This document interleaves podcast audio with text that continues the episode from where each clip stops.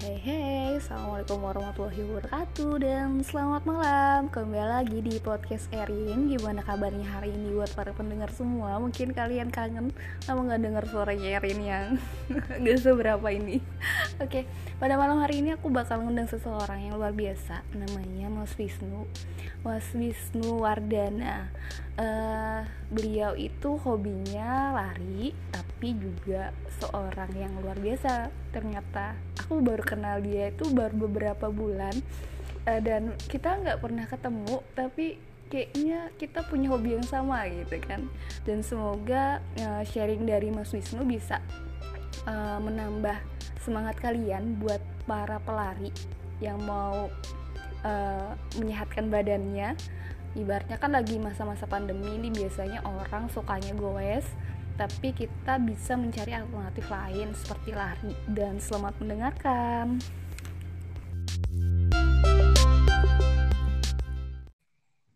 Halo Mas Wisnu. Halo. Selamat malam. Selamat malam. Yang jauh di sana. ya, salam buat Masnya yang di sana. Uh. Uh, mas, ini gimana kabar uh. ini? Al kabar alhamdulillah baik. Ya, sibuk apa sekarang nih, Mas?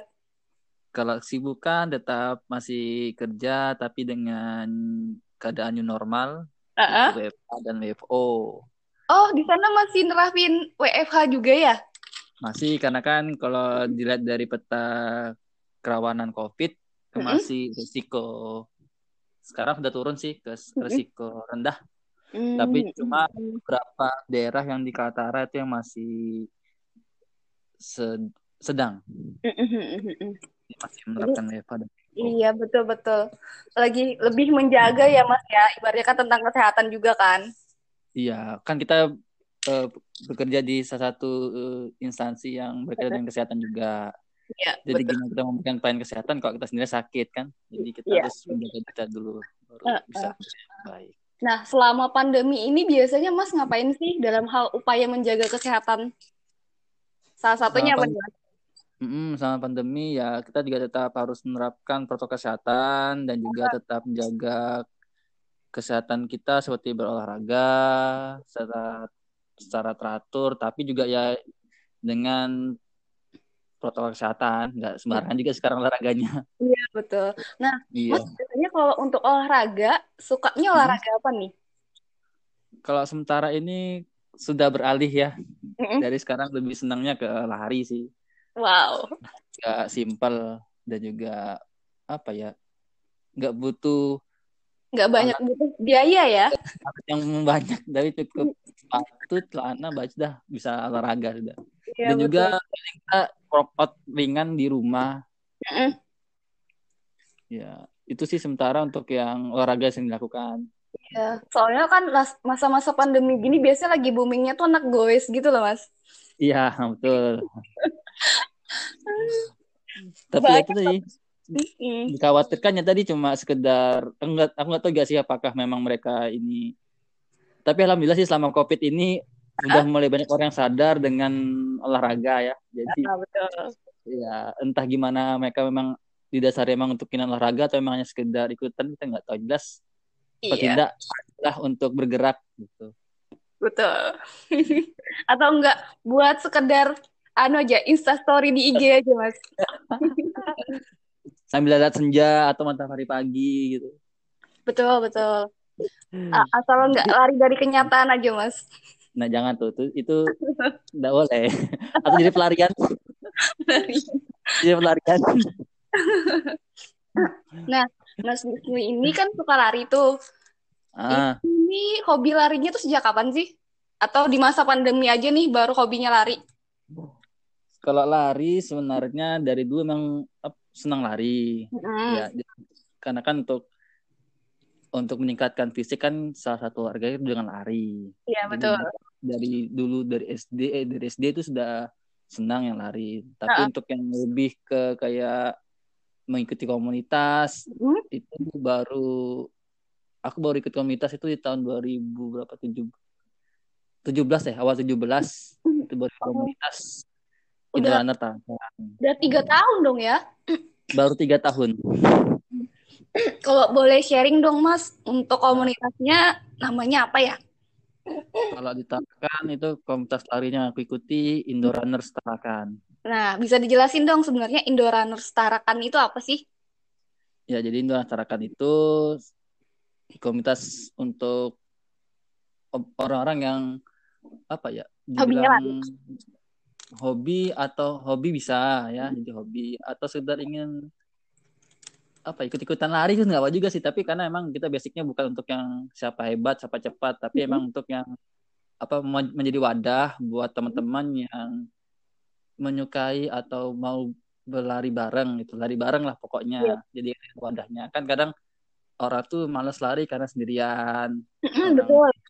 Nah makanya sendirian itu ya makanya makanya ada apa teman itu membentuk namanya Indonesia Setarakan mm-hmm. biar mewadahi orang-orang yang hobi lari itu yeah. atau sekedar ingin atau punya program diet atau apa bisa ikut gabung juga di Indonesia Caranya gabung gimana sih mas? Misalnya nih, aku kan ibaratnya baru tuh di situ. Ada nggak sih hmm.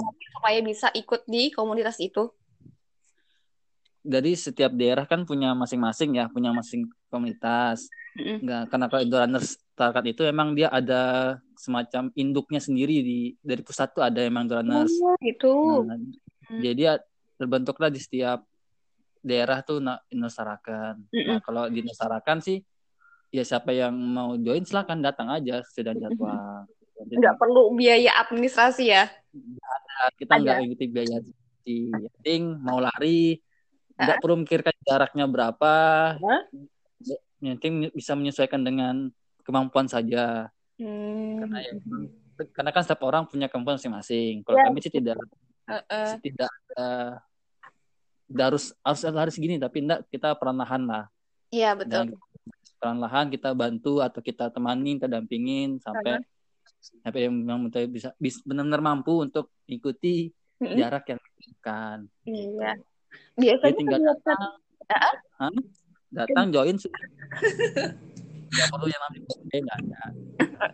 Mas biasanya kalau kegiatannya itu di hari apa ya Mas? Hari Minggu kah? Rutin gitu? Kalau rutin jadwal rutin ini sebelum pandemi ya. Sebelum mm -hmm. pandemi itu kita ada naik run. Naik naik run tuh mm -hmm. lari malam. Wow. itu biasanya hari hari Rabu. Uh. terus Sabtu sore dan Minggu pagi. Uh -uh. Nah tapi untuk di, di hari lain itu terserah jadwal bebas terserah mm -mm. tapi kalau untuk yang rutin sebelum pandemi itu saya bilang ada hari Rabu malam ya terus ada dan Minggu pagi hmm, gitu. gitu ya nah menurut Mas kalau misalnya nih sebagai pemula lebih baik itu kita milih larinya di pagi hari atau di malam hari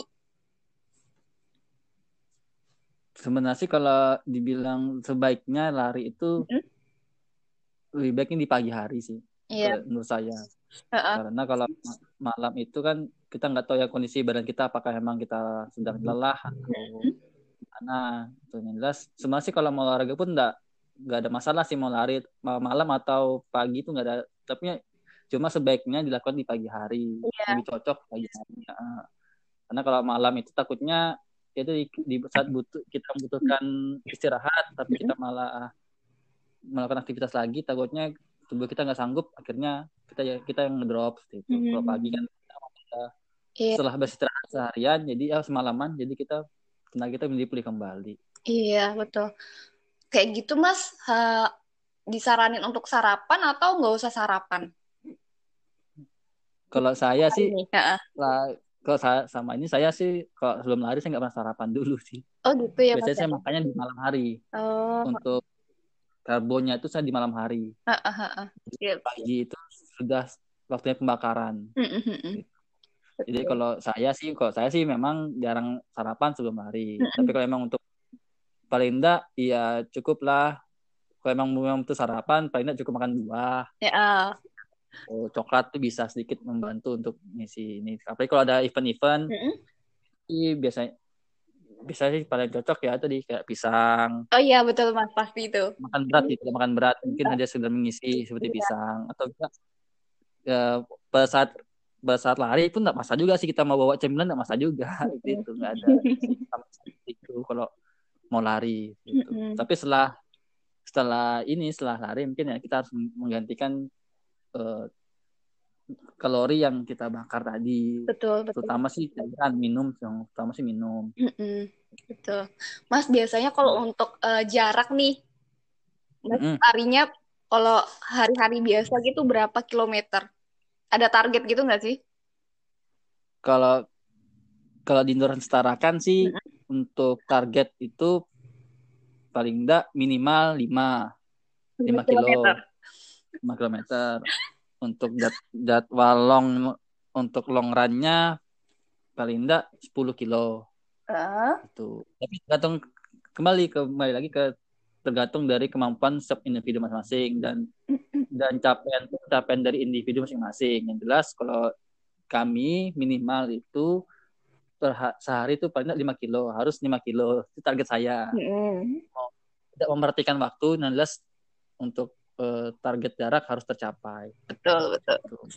Kalau mau long run ya bisa 10.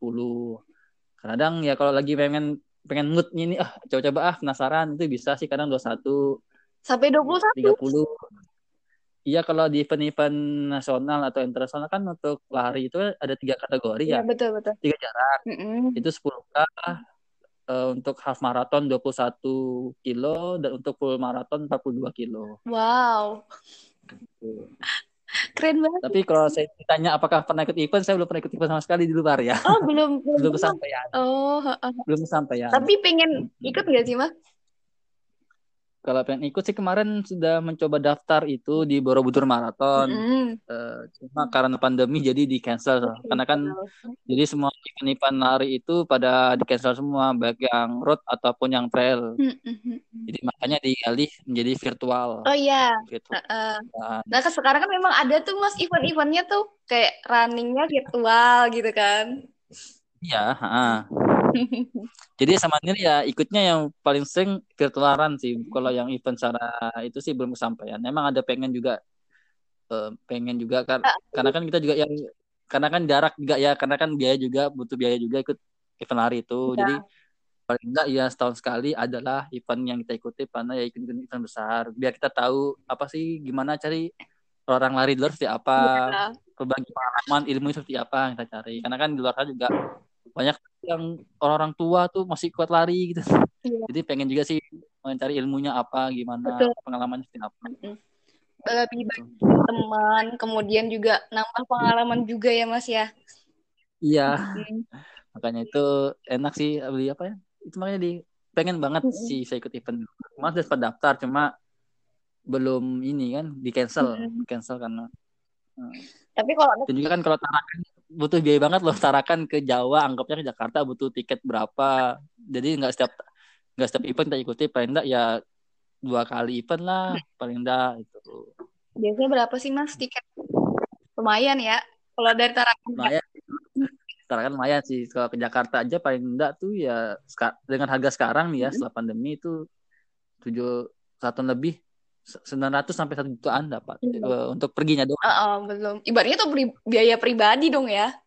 Pribadi ya. Makanya persiapannya apa enggak ya jadi dua hari. Yeah. Memang kalau memang tutup ikut. Uh, uh, memang harus daftarnya. Mm -mm, benar-benar.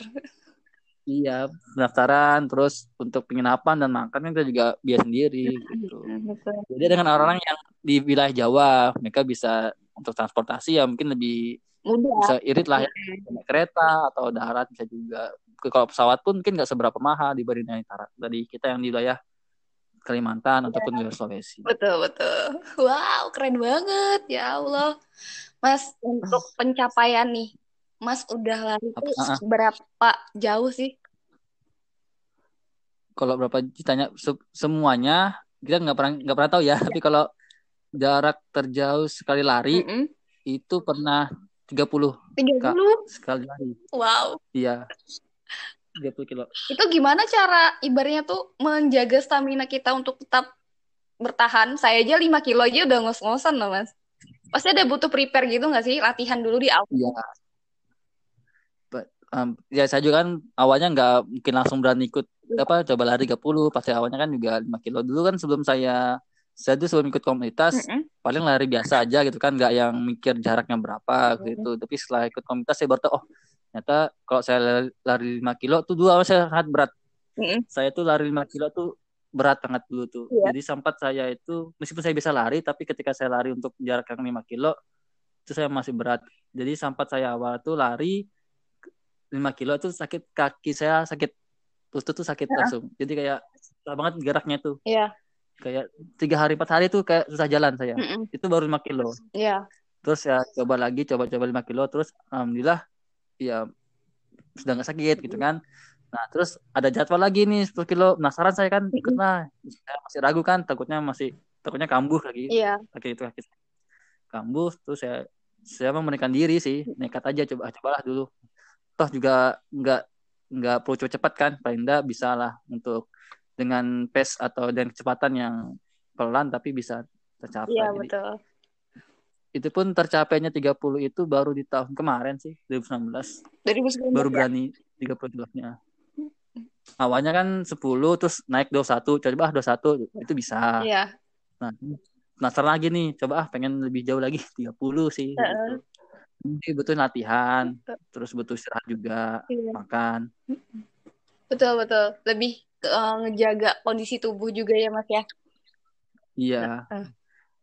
kan kalau kita pas saat pas saat, saat larinya ya kita kita sendiri yang tahu nih uh -uh. pasti kalau sebelum lari kan kita juga harus jaga kesehatan dan semuanya tapi kalau pas kita la lagi lari uh -uh. yang tahu kondisi kita tuh ya kita, diri kita sendiri iya. jadi apakah kita memang sudah kalau ini memang kecepatan memang lebih capek ya kita atur sendiri uh -uh. ya kecepatan kita siapa gitu bisa jeda dan, istirahat gitu ya mas ya apa jeda istirahat boleh ya. kalau dalam hal lari gitu kalau di event-event luar itu juga pun di setiap jarak dua setengah kilometer mm-hmm. itu pasti ada namanya water station. Oh, Tidak kan memang water station itu untuk yang minuman itu setiap jarak dua setengah kilometer mm-hmm. itu pasti ada. Jadi kemarin kemarin itu kan cuma berdua aja sama teman mm-hmm. yang ya kilo jadi ya, berapa kilo gitu disinggah tuh ke warung di sendiri minum dulu sebentar sebentar. Dilanjut lagi gitu. Karena nggak ada tes tesan jadi anggapnya di warung-warung itu. Nggak pengawalan jadi ya udah kalau jadi sendiri atau tuh sendiri lah ah, minus berdua lah gimana? Capek nggak? Udah capek satu sebentar. Udah lanjut gitu. oh iya kayaknya ya jadi itu proses nggak ada yang langsung instan. Iya betul. Buat mie aja butuh proses ya mas ya. Meskipun pun instan pun tetap dimasak nggak mungkin langsung dimakan. Kecuali dimentah betul instan pun mesti di mesti dimasak lagi nggak bisa dimakan. Nggak ada instan. Betul harus banyak banyak latihan gitu kan ya nggak ada yang instan. Nggak ada yang instan. Jadi nggak cukup sekali terus ah capek ah berhenti ah itu enggak justru capek itulah yang anggapnya ya semua emang capek lari itu capek. Cuma kan kita harus ada target apa yang kita cari. Iya betul. Jangan sampai kita melakukan sesuatu tuh gak ada tujuan. gak ada ada tujuannya apa. Ya sudah capek tapi nggak tujuan buat, apa gitu kan. Mending ya, mau olahraga paling enggak jadikannya sebuah kebutuhan gitu. bukan sebagai kalau dulu orang mikirnya oh aku nggak nggak nggak bakat nih nggak nggak olahraga gitu. mm -mm. nah kalau sekarang sih olahraga sudah menjadi sebuah kebutuhan sih menurut aku sih iya betul mm. dalam hal-hal yang simple aja sih mas kayak lari itu kan ibaratnya low budget kita nggak perlu iya. ibaratnya beli alat-alat yang mahal gitu kan cuman butuh tubuh doang tubuh paling enggak ya kalau peralatan mungkin sepatu lah eh, paling sepatu. tapi kan sepatu nggak sampai yang harga yang puluhan juta mm -hmm. gitu. Nah, kalau sepatu sih lo uh, harga lima ratus bawah sudah ada juga kalau dengan iya. kualitas bagus ada. Uh -uh. Jadi ya, perlu yang sepatu yang mahal atau ikutin, ikutin yang inilah yang mau harus pakai ini merek ini nggak perlu. Oh, ya. Karena kan sepatu pun juga cuma mahal tapi kita nggak sesuai dengan kaki kan. Iya. Yang penting nyaman ya man ya. Penting nyaman. Kalau udah nyaman jangan ditinggal itu intinya. Udah nyaman terus ditinggalin kan sakit. Terus lari, lari. Lari lagi kan. itulah gunanya pelari asal nggak lari dari kenyataan aja mas iya itu lah itu yang susah itu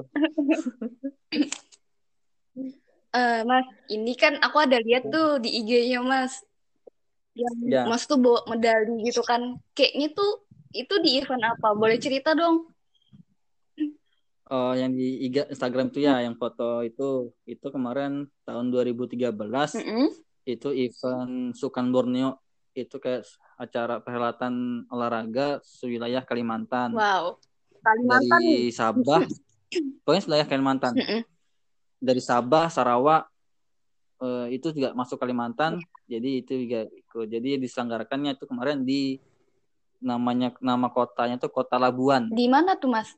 Labuan. Ya Cermin. Labuan bukan kan Labuan itu kayak kota kayak apa?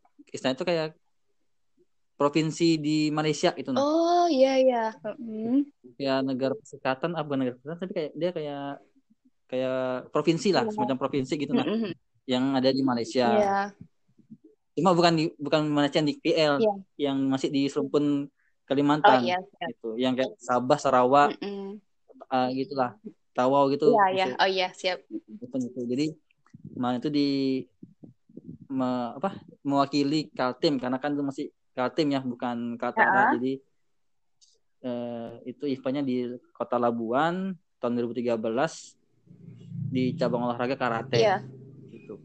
Wow. Karate ya. Iya. Itu Mas ikutnya waktu kapan itu Mas? Pada saat kuliah Jadi, atau kalau, SMA? Jadi kalau karate itu sebenarnya awalnya karate itu dari eskul di SD. Hmm. eskul di SD terus ya berlanjut lah. Tapi aku sempat vakum di SMP sempat vakum aku karate. Iya. Kenapa nih? Cedera atau gimana? Oh, badminton. Oh. Jadi kalau di SMP badminton tuh ya tapi nggak berkembang lah nama di badminton nggak berkembang cuma sekedar tempat ikut klub cuma nggak Iya, nggak bersinar ya? Nggak bersinar di badminton. Di bulu tangkis cuma cukup masuk klub aja. Tapi ya itu lah iya. namanya. Tapi tapi kalau misalnya hanya sekedar olahraga ya masalah. Uh -uh. nah terus SMA lanjut lagi ke karate. Menemukan lagi sesuatu apa kayak semacam uh, apa pelatih itu menemukan lagi jadi oh ya sudah kembalilah semangat jadi mulai mulai karate itu mulai mulai ikut event-event itu SMA. SMA ya. Nah, untuk yang 2013 itu itu sudah kuliah sekitar semester 4 atau 5 ya. gitu pokoknya. Itu kuliah. Wow. Nggak mewakili kampus, Mas.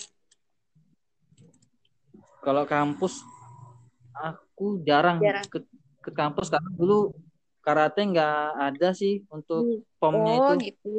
Karena ada zaman aku dulu nggak ada. Untuk cabang karate nggak ya. ada ke cabang lain ada sih. Dan itu kemarin? Itu pun juga kemarin. Dan kemarin juara berapa mas? Waktu event itu? Kalau yang kemarin itu juara tiga. Juara sih tiga. Uh, lumayan. Iya. Luar biasa loh itu.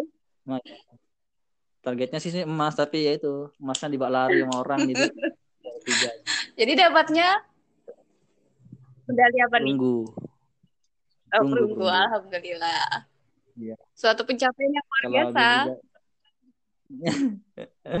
Kalau pencapaianku sebenarnya lebih ke PON. Mm -mm. Udah pernah ikut belum? Jadi kalau PON pernah ikut tahun 2016. 2016. Ya PON Bandung ya. Apa tuh 2016 sih salah. Di mana tuh Mas waktu eventnya PON itu? Daerah mana? PON kemarin PON oh, Jabar. Jabar. PON Jabar kan PON itu kan olahraga event apa multi ya, event empat tahun sekali. Nah itu kemarin kenanya di Jabar aku ikut dan itu pertama kalinya Kaltara keluar keluar untuk apa? Mewakili. Kan baru-baru awal Kaltara ya, sebenarnya Kaltara dan juga itu pertama kalinya Kaltara ikut PON. Yeah. Gitu. Nah, untuk cabang karate alhamdulillah aku sendiri yang mewakili. Luar biasa sekali Mas itu, ya Allah. Keren banget sih Anda. Apa? Keren banget sih Anda. Apanya? eh ternyata ngomong sama atlet loh, luar biasa.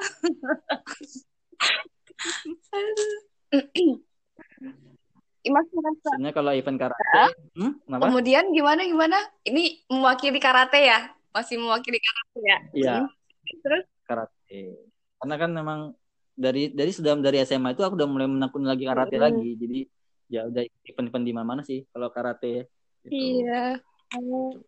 Event di luar itu ya baru luar kota, baru luar maksudnya yang eventnya nasional apa internasional itu dari di Labuan ya, tadi 2013. Ya. Itu yang paling berkesan ya Mas ya yang berkesan itu tadi nih antara it, tiga tiga event sih yang berkesan sempat ke jurnas perguruan di Jakarta di Cibubur tahun 2000 berapa ya? 2010 kayak gitu 2010 itu. Emas. Itu masih SMA masih SMA empat emas eh bukan mas empat perak juara dua senasional. Untuk yang tadi yang di Labuan juara itu 2013 tunggu. Uh, tapi kalau pon itu sebenarnya pon itu termasuk apa ya? Olahraga event bergengsi ya, juga sih. keren banget pon. Wilayah ini Indonesia tuh bergengsi banget karena tuh iya. ajang si untuk uh, ke iya, platnas. Iya. Nah, jadi suatu kebanggaan sendiri itu tadi bisa mewakili Indonesia. Cabur Indonesia juga bangga bisa, bisa sama juga terus yang pon itu juga karena mewakili Katara sendiri dari cabur karate dan itu pertama kalinya Kak Tara ikut bisa langsung ada atlet karatenya. Nah, kalau yang di U13 itu berkesannya kenapa? Karena itu meninggalkan meninggalkan kuliah dan pekerjaan. Harus mengorbankan itu ya, Mas ya. Iya, mengorbankan. Jadi sebenarnya kan aku dari U13 itu yang sebelum aku ke Labuan itu, aku sebelumnya kejuaraan di Bali. Uh. Sebelum di Bali itu aku anggapnya seleksi uh, pertandingan sewilayah provinsi uh. kan provinsi lolos uh, seminggunya itu seminggu kemudian aku langsung ikut lanjut lagi ke Bali mm. nah pulang dari Bali aku stay di Samarinda yeah. ke itu stay di Samarinda untuk pemusatan latihan jadi ya udah dari situ langsung aku berangkat ke ini ke Labuan itu jadi meninggalkan ya. meninggalkan kuliah sama kerjaan juga sih itu cuma sebulan lagi sebulan aku izin harus ada yang dikorbankan mas demi sebuah pencapaian. Ya, entah kar apa entah kuliah atau ya ini iya karir. memang harus ada yang dikorbankan. Harus pilih salah satu. Kalau iya. Tapi alhamdulillah sih kampus mendukung aja kan di, di support iya. juga sama. Orang tua nggak dukung dong mas pastinya ya? Alhamdulillah orang tua mendukung. Kalau sebenarnya sih dulu karena namanya suka olahraga ya jadi emang alhamdulillah sih bukan aja sih kalau mereka itu nggak ada masalah iya. untuk nggak ada masalah untuk olahraga. Iya.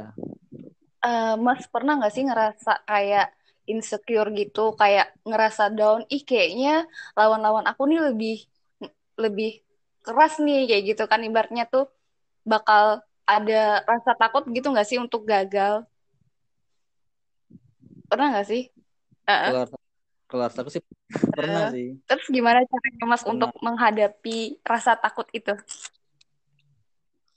Kalau dulu saya prinsipnya uh-uh. gini, kalau kita latihan sama-sama latihan, uh-uh. ya gerakan sama iya. gerakan, gerakan uh-uh. sama, jadi sama-sama ya. Ya mungkin yang hanya yang menjadikan terlebih atau kurang itu porsinya. Itu karena kan semakin banyak kita berlatih otomatis semakin meningkatlah kemampuan kita tapi kalau kita kurang latihan ya. itu di mungkin ya eh, kemampuan kita pun juga bakal, di iya, bawah ya, gitu. Nah, kayaknya seperti itu jadi kalau saya ketika mau planning atau gimana pun saya mikirnya ya udah kita sama-sama latihan sama-sama gerakan sama tekniknya sama. Ya, kan? Jadi ya yang beda kan tuh hanya ini porsi iya. latihan. Jadi kalau saya meningkatkan motivasi saya motivasi saya mungkin saya harus punya latihan gitu.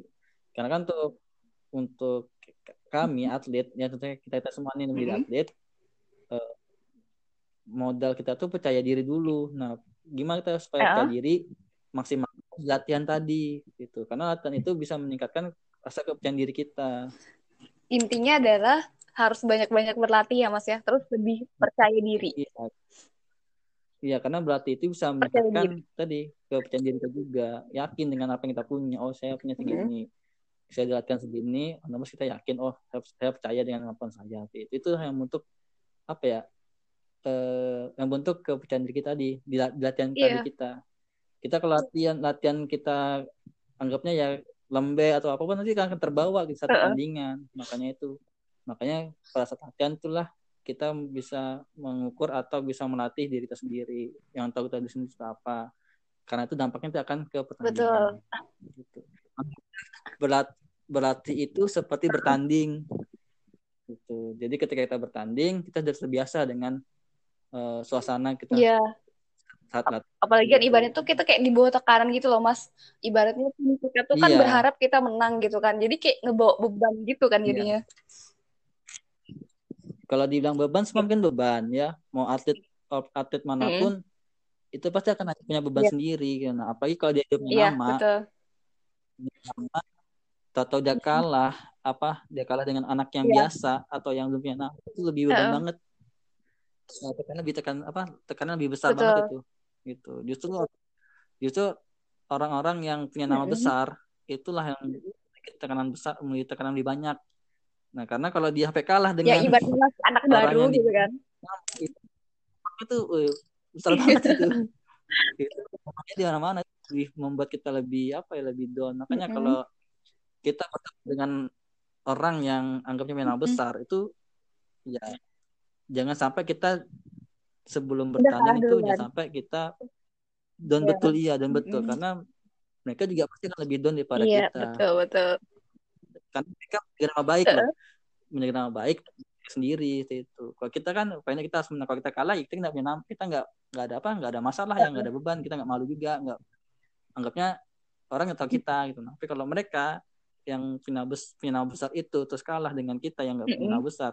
Itu lebih lipat uh, rasa ininya iya betul betul. Pernah nggak sih mas ngerasa down banget gitu? Misalnya nih dalam sebuah pertandingan terus ternyata kalah gitu kan. Gimana cara nyikapinnya? Down banget pernah sih. Uh, pernah pernah. Itu waktu yang di itu di salah satu di Labuan itu. Saya down hmm. banget itu kemarin. Uh, tapi ya tadi ala yang sadar diri juga sih mungkin oh ya mungkin latihannya langsung mengintrospeksi diri sih.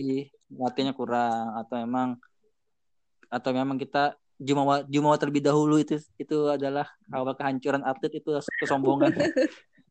Jadi jadi kalau mau bertanya jangan sombongan dulu jangan sombong yeah. dulu gitu kayaknya. Sih mana don pegang don uh -huh. pernah tuh dan mungkin ya mungkin gak hanya aku aja mungkin semua orang kalau atau sama atlet atau yang gimana pun kalau memang dia gagal pasti akan dia akan yeah. tapi ya tadi kembali lagi ke gimana introspeksi introspeksinya ke hmm. kita kalau saya sih kalau aku sih ya tadi sadarlah kalau emang jarang iya. latihan yeah. gitu jadi motivasi uh -uh. lagi ambil sisi positifnya sih ya lebih lebih hmm? evaluasi diri lagi sebenarnya apa sih yang kurang dari aku kayak gitu kan ya. oh, entah itu di latihannya entah itu dari uh, motivasinya kita atau terlalu pedenya kita gitu kan ya iya cuma hmm. kan cuma kan ada faktor in juga dan faktor hmm. X juga ya ya ada faktor di luar kendali ya. kita kayak ya mungkin uh, kondisi iya, lapangan betul. itu kan pengaruh juga ya mempengaruhi permainan kita juga atau pertandingan kita juga. Jadi ya tadi kita nggak perlu menyalahkan siapa-siapa karena kita introspeksi diri kita dulu. Oh ya emang ini. Kalau emang kalau kita emang sudah merasa saya sudah maksimal mm -hmm. betul ya maksimal betul uh, tetap kita kalahnya karena faktor X itu itu nggak lah itu nggak akan menjadi sebuah apa ya menjadi down yang sangat besar. Nggak nggak. Kalau aku sih kalau sudah maksimal latihanku sudah cukup sudah keras mm-hmm. pertandingan sudah maksimal kalau aku mm. kalah mm. itu aku nggak menjadi iya, beban karena aku mikirnya aku sudah melakukan apa yang aku punya jadi aku nggak menjadi sebuah tidak mau menjadikan itu beban yang berlebihan betul. jadi ya cukup sekali kurang mungkin iya jadi jadi kalau aku sih kalau yang penting bertanding itu uh, latihanku serius pertandingnya mengeluarkan semua yang aku punya itu nggak akan menjadi beban betul-betul bawah nggak menjadi kalah itu nggak akan menjadi sebuah sesuatu yang mengecewakan uh, banget itu kecuali kalau kalau apa kalau kita sudah latihannya kuat tanding pertandingannya kita bagus terus yang kalahnya karena orang lain atau karena X seperti kayak curinya mm -hmm. ke apa itu mungkin yang tapi kalau yang kalau hanya kalah dalam artian bukan karena faktor yeah. X ya itu aku nggak menjadi dendam yeah. gitu. Ini kita udah panjang kali lebar ya, Mas. Ternyata udah setengah jam loh kita ceritaan. Keren banget loh, Mas. Sumpah. Ini kayak uh, lebih ngemotivasi aku sih. Oh, ternyata kayak gini loh. Kita harus lebih banyak lagi kayak gitu kan usahanya. Jangan hanya ngestak di satu titik doang gitu kan ya. Iya. Mm, mas kasih anu iya. dong, ibarnya kata-kata bijak dong buat para pendengar yang ibaratnya hari ini meluangkan waktunya nih uh, untuk mendengarkan podcast kita gitu kan mau tanya mana tentang lari atau apa nih apa sih mau motivasi mas supaya masih bisa bertahan semangat banget sampai saat ini gitu kan untuk ngikutin event-event gitu sih kalau sekarang maaf ya kalau sekarang kalau event aku lebih jarang ya jarang ikut event. Karena juga mungkin kalau di kita ini kan sasutnya kita utarakan ya. Kalau utarakan itu untuk event yeah. sangat kurang. Bahkan itu apa ya untuk bersaingan dengan orang atlet yang di daerah Jawa itu sangat kita kan ketinggalan mm-hmm. banget. Jadi kalau makanya sekarang aku jarang ikut event gitu. Jadi ya aku berusaha untuk karena sudah anggapnya sudah dibilang gantung sabuk enggak juga sih. Masih aktif aja untuk memantau junior junior apa ada di aku gitu kan untuk latihan biar nanti mereka yang akan mengganti yang ikut ini berprestasi karena gini sebenarnya sih untuk usia emas kita itu sebenarnya bukan di usia-usia kita sekolah atau SMP yeah. SMA ya. Nah, tapi iya. sebenarnya yeah. ya usia-usia emas kita tuh di usia 20 tahun ke atas loh usia emas kita. Jadi kalau yang masih berprestasi di usia-usia SMA, SMP itu sebenarnya itu bukan usia bukan usia emas. Nah, usia emas kita itu di sekitar di umur 20-an ke atas itulah usia emas kita. Jadi kalau buat buat adik-adikku atau buat teman-teman yang mendengarkan. Jadi kalau jangan patah semangat kalau kita belum bisa mencapai prestasi di usia sekolah atau usia muda kita. Justru di usia kematangan usia kita itu di usia 20 ke atas lah itu baru usia matang. Dan juga yang kedua untuk nah, ini buat buat yang ingin jadi atlet ya, untuk yang di wilayah kayak kabupaten daerah daerah itu kalau memang benar mau jadi menekuni olahraga atau atlet pergilah ke daerah-daerah Jawa. Ini saran hmm. aku. Ya, karena di Jawa itu eventnya yeah. banyak. Sumpah, event itu banyak dan kalau kita mau ikut event-event itu nggak perlu biaya besar. Tapi kalau kita yang contohnya kayak aku ditarakan ini kalau mau ikut event itu butuh dana banget. Jadi harus cari proposal ke mana-mana ini itu jadi sumpah jadi agak apa ya agak terkendali di situ. Tapi kalau memang benar terus menekuni dunia olahraga yang ingin jadi atlet atau ingin menambah skill itu pergilah ke merantau ke Jawa. Jadi anak rantau ya mas ya. Iya, sumpah aku kadang kalau kadang sempat iri juga sih lihat eh uh, teman-teman di Jawa nih enak banget ya kalau pertandingan tuh bisa sebulan tuh kadang dua kali pertandingan sebulan tuh sebulan dua kali yeah. sebulan dua kali dua kali, kali pertandingan itu pun ya itu enak banget bisa naik kereta atau apa nah ada kita, ada kalau yang di daerah Tarakan gini, itu Tarakan ya susah banget mau ikut ini biaya iya. transportasinya yeah. harus dana besar gitu itu. Nah, dan juga itu di kalau emang mau serius kalau mau olahraga breaknya di untuk multi atlet ya atlet ke hmm. Jawa dengan karena eventnya hmm. banyak karena event itu bisa melatih ini kita sih jam terbang itu mempengaruhi mental Betul. juga sebenarnya mental jadi perbanyak ikut event dan juga kan akan bertemu dengan orang-orang yang bakal apa yang memotivasikan juga kayak pelatih pelatih itu berkualitas iya. juga tapi bukan berarti yang pelatih di daerah nggak berkualitas nah ini lebih ini lebih lebih apa ya ilmunya lebih up iya. to date cepat up to date-nya kalau di Jawa itu nah terus untuk yang berikutnya bukanlah olahraga itu sebagai kebutuhan. Kalau aku mm-hmm. sekarang kebutuhanku olahraga bukan untuk ikut-ikut yang event-event gitu, cuma lebih menjaga aja, lebih menjaga daya tahan mm-hmm. tubuh. Dan juga aku paling takut namanya perut buncit. ya. jadi jadi aku karena aku takut perutku buncit makanya aku rutin olahraga kebutuhanku itu. Karena karena olahraga itu salah satu hiburan buat aku. Ya jadi jadi kalau dulu jadi kalau dulu aku paling nggak bisa jalan namanya waktu sekolah itu waktu kuliah nggak bisa jalan untuk malam minggu nggak bisa jalan. Hiburanku yaitu sudah jadi setiap hari latihan malam minggu sore itu udah namanya uh, fisik sudah malamnya ya sudah di rumah aja. Itu pun kayak ada rasa apa ya rasa kebanggaan yeah. sendiri sih itu jadi olahraga tuh bukan sebuah kayak dulu kalau orang berpikiran oh aku punya bakat. Olahraga itu dulu itu pemikiran yang dulu. Kok sekarang olahraga itu sebagai kebutuhan. Ya kalau kita sudah kebutuhan pasti kita akan mencari pasti akan kita memenuhi kebutuhan Betul. itu ya untuk menunjang apa uh, menunjang diri kita sendiri menjaga kebugaran tubuh kita juga kan karena kan jangan sampai apalagi yang kerjaan kita nih yang anggapnya duduk terus tidak ada gerak sama sekali atau stroke atau asam urat naik kan bahaya. Makanya jaga olahraga anak kantoran. Kerja duduk terus makan. Eh bunjit ya mas resiko banget ya iya karena kerja itu karena resiko orang yang kerjanya hanya sudah duduk itu lebih besar daripada orang yang kerjanya aktif bergerak ya, iya, ya betul, betul. Lebih resiko penyakitnya itu lebih besar orang yang kerja di kantoran daripada iya. di Jadi, lapangan.